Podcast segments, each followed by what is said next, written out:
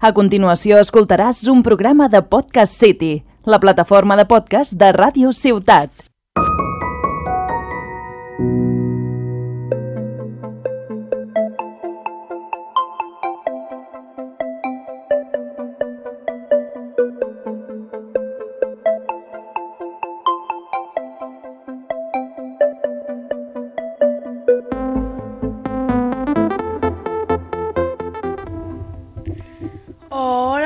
Benvinguts a aquest programa anomenat Les Sabiendes.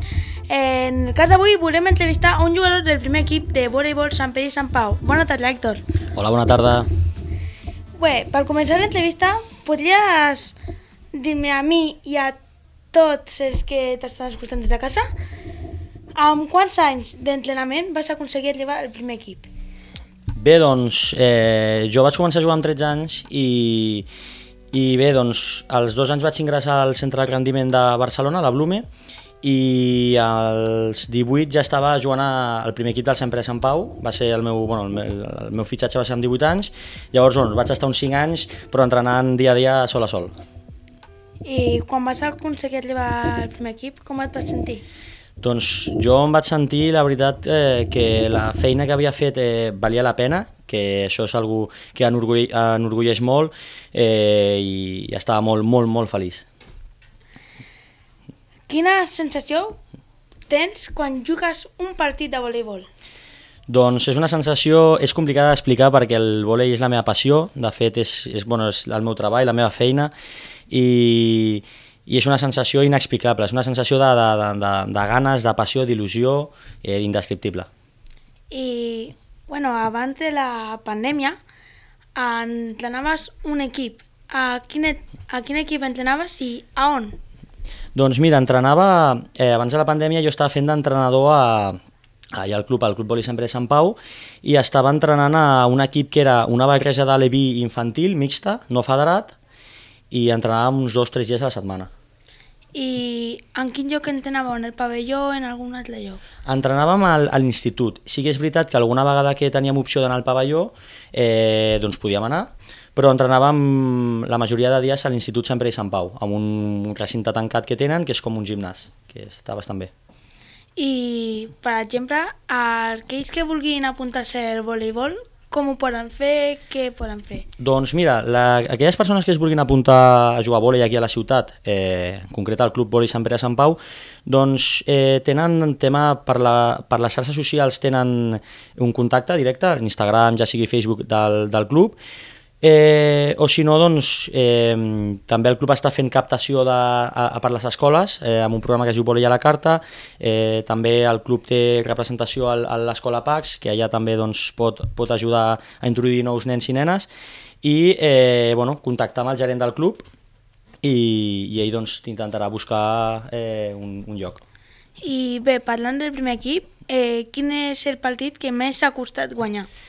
Doncs bé, per desgràcia hem perdut alguns partits, altres hem guanyat, però sí que jo recordi haver guanyat eh, probablement eh, algun partit eh, aquest any, mira, aquest últim any em vam jugar a Castelló, un partit que qui guanyava se n'anava a, a, les fase, a la fase d'ascens, a primera divisió, i van guanyar 3-0, però el segon set va ser 38-36. És a dir, va ser un set molt llarg, el set acaba 25 amb diferència de dos, llavors imagina't lo llarg que va ser. Bé, eh, abans de, tu parlaves de que havia, entrenaves un equip mixt, Mm. però quins alt, quin altre equips hi ha? Doncs hi ha, bueno, hi ha, hi ha tota la base del club, és a dir, eh, des d'un Benjamí a un aleví infantil mix no federat, després tenim l'infantil federat, que és el que aquest any m'he encarregat eh, d'aportar com a entrenador, Eh, després tenim el infantil femení, eh, de fet hi ha dos infantils femenins i cadets, hi ha un de cada, de cada sexe i eh, juvenil i sènior també. I anant, entrenant molt i passant d'equips, perquè vas creixent, Mm. pots arribar a jugar al primer equip o no? Sí, per suposat, de fet és l'objectiu, l'objectiu principalment en l'esport base en general, no en el vòlei només, penso que és eh, divertir-se, passar-ho bé i donar-ho tot i, i gaudir, sobretot, però ja quan arribes a ser ja cadet juvenil, eh, si has treballat molt i has tingut una, una bona projecció ascendent i, i, i ho has donat tot, doncs sempre hi ha la possibilitat d'intentar pujar al, primer equip. Sí, sí, de fet la, el primer equip està també perquè la base intenti pujar. Actualment, l'equip Sant Pere i Sant Pau, en quina divisió està? Doncs el primer equip eh, aquest any eh, tornarem a estar a segona divisió, a Superliga 2, la segona màxima categoria estatal. Eh, aquest any vam anar a la fase d'ascens, ens vam classificar, però no ens va anar del tot bé i, i vam perdre els partits que havíem de guanyar i, i ens quedem a la segona divisió. L'institut és un lloc a, acusible o podeu anar a entrenar quan vulgueu o teniu que tindre el permís de la directora? Doncs bé, doncs això el, el gerent i el coordinador del club eh, són són els encarregats de, de, de parlar amb la, amb la direcció de l'institut i, i, i acordar el, els horaris. Però la veritat és que des del club li agraïm molt a, a l'Institut Sant Pere de Sant Pau que ens donin l'oportunitat, que ens brindin l'oportunitat de, de poder eh, tenir accedir a les seves instal·lacions perquè si no se'ns queda petit el pavelló. De fet, n'hi ha molts alumnes de l'Institut Sant Pere i Sant Pau, jo incluït, mm. que entrena el, al, al, al voleibol Sant Pere i Sant Pau. Això és una cosa que no sol cosa d'altra gent, d'altres nens, d'altres col·legis, sinó que està bé que, que l'institut agafi nens de... que el voleibol agafi nens de l'institut. Això és bo per sí, l'equip? Sí, això és bo perquè això significa que hi ha una implicació directa de l'institut i, de, i de la gent, els nens i nenes del barri de Sant Pere Sant Pau, que al final és un barri de Tarragona, però eh, és un barri molt poblat. Llavors això parla molt bé de, de, bueno, del, del club i de la gent i de la implicació de la gent del barri, que això com a jugador i com a entrenador del club, en el que porto 5 anys, eh, s'agraeix molt i, i el caliu que, que dona sempre al barri s'agraeix moltíssim en, en tots els aspectes.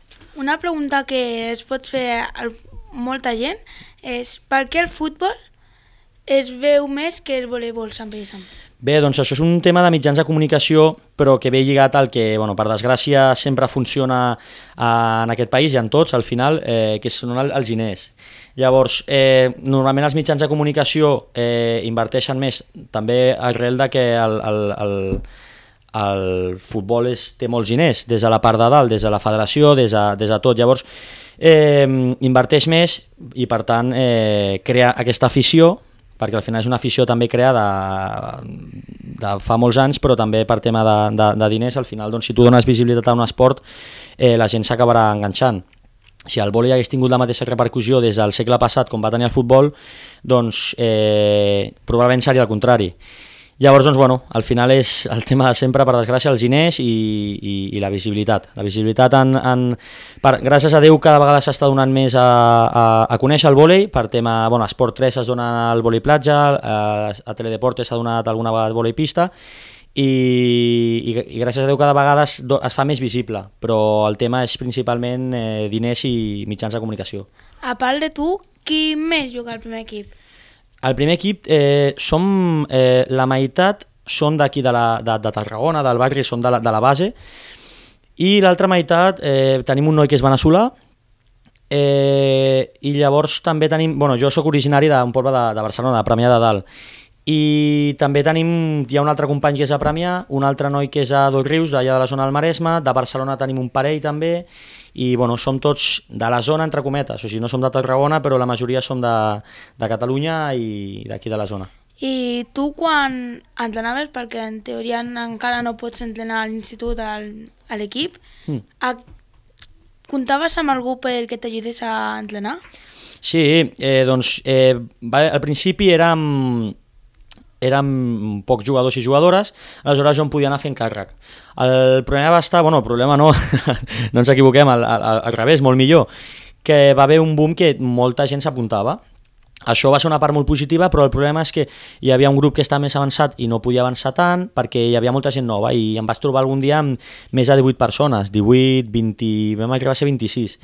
Llavors eh, vaig demanar ajuda al club i un company meu d'equip, que també sap molt de vòlei, que es diu Anna Sanzaui, eh, va venir a, a ajudar-me i estava de segon entrenador i així podia, podia portar l'entrenament d'una manera molt més satisfactòria i eficient per, per mi i sobretot per, pels jugadors i jugadores.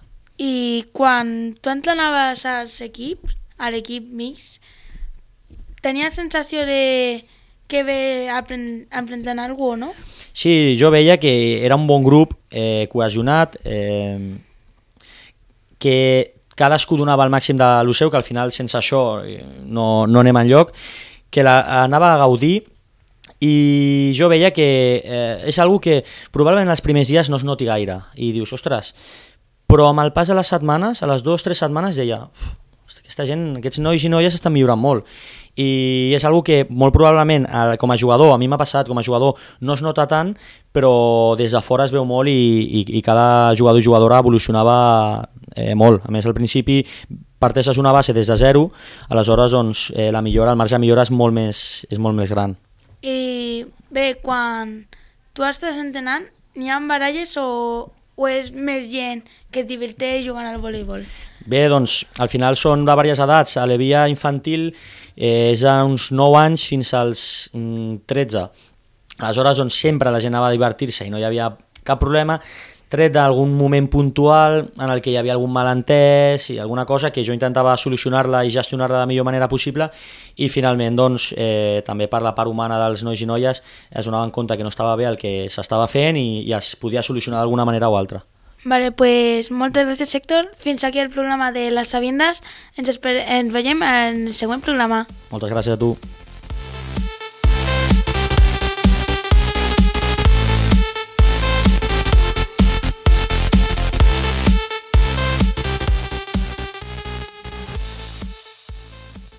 Has escoltat un programa de Podcast City, la plataforma de podcast de Ràdio Ciutat.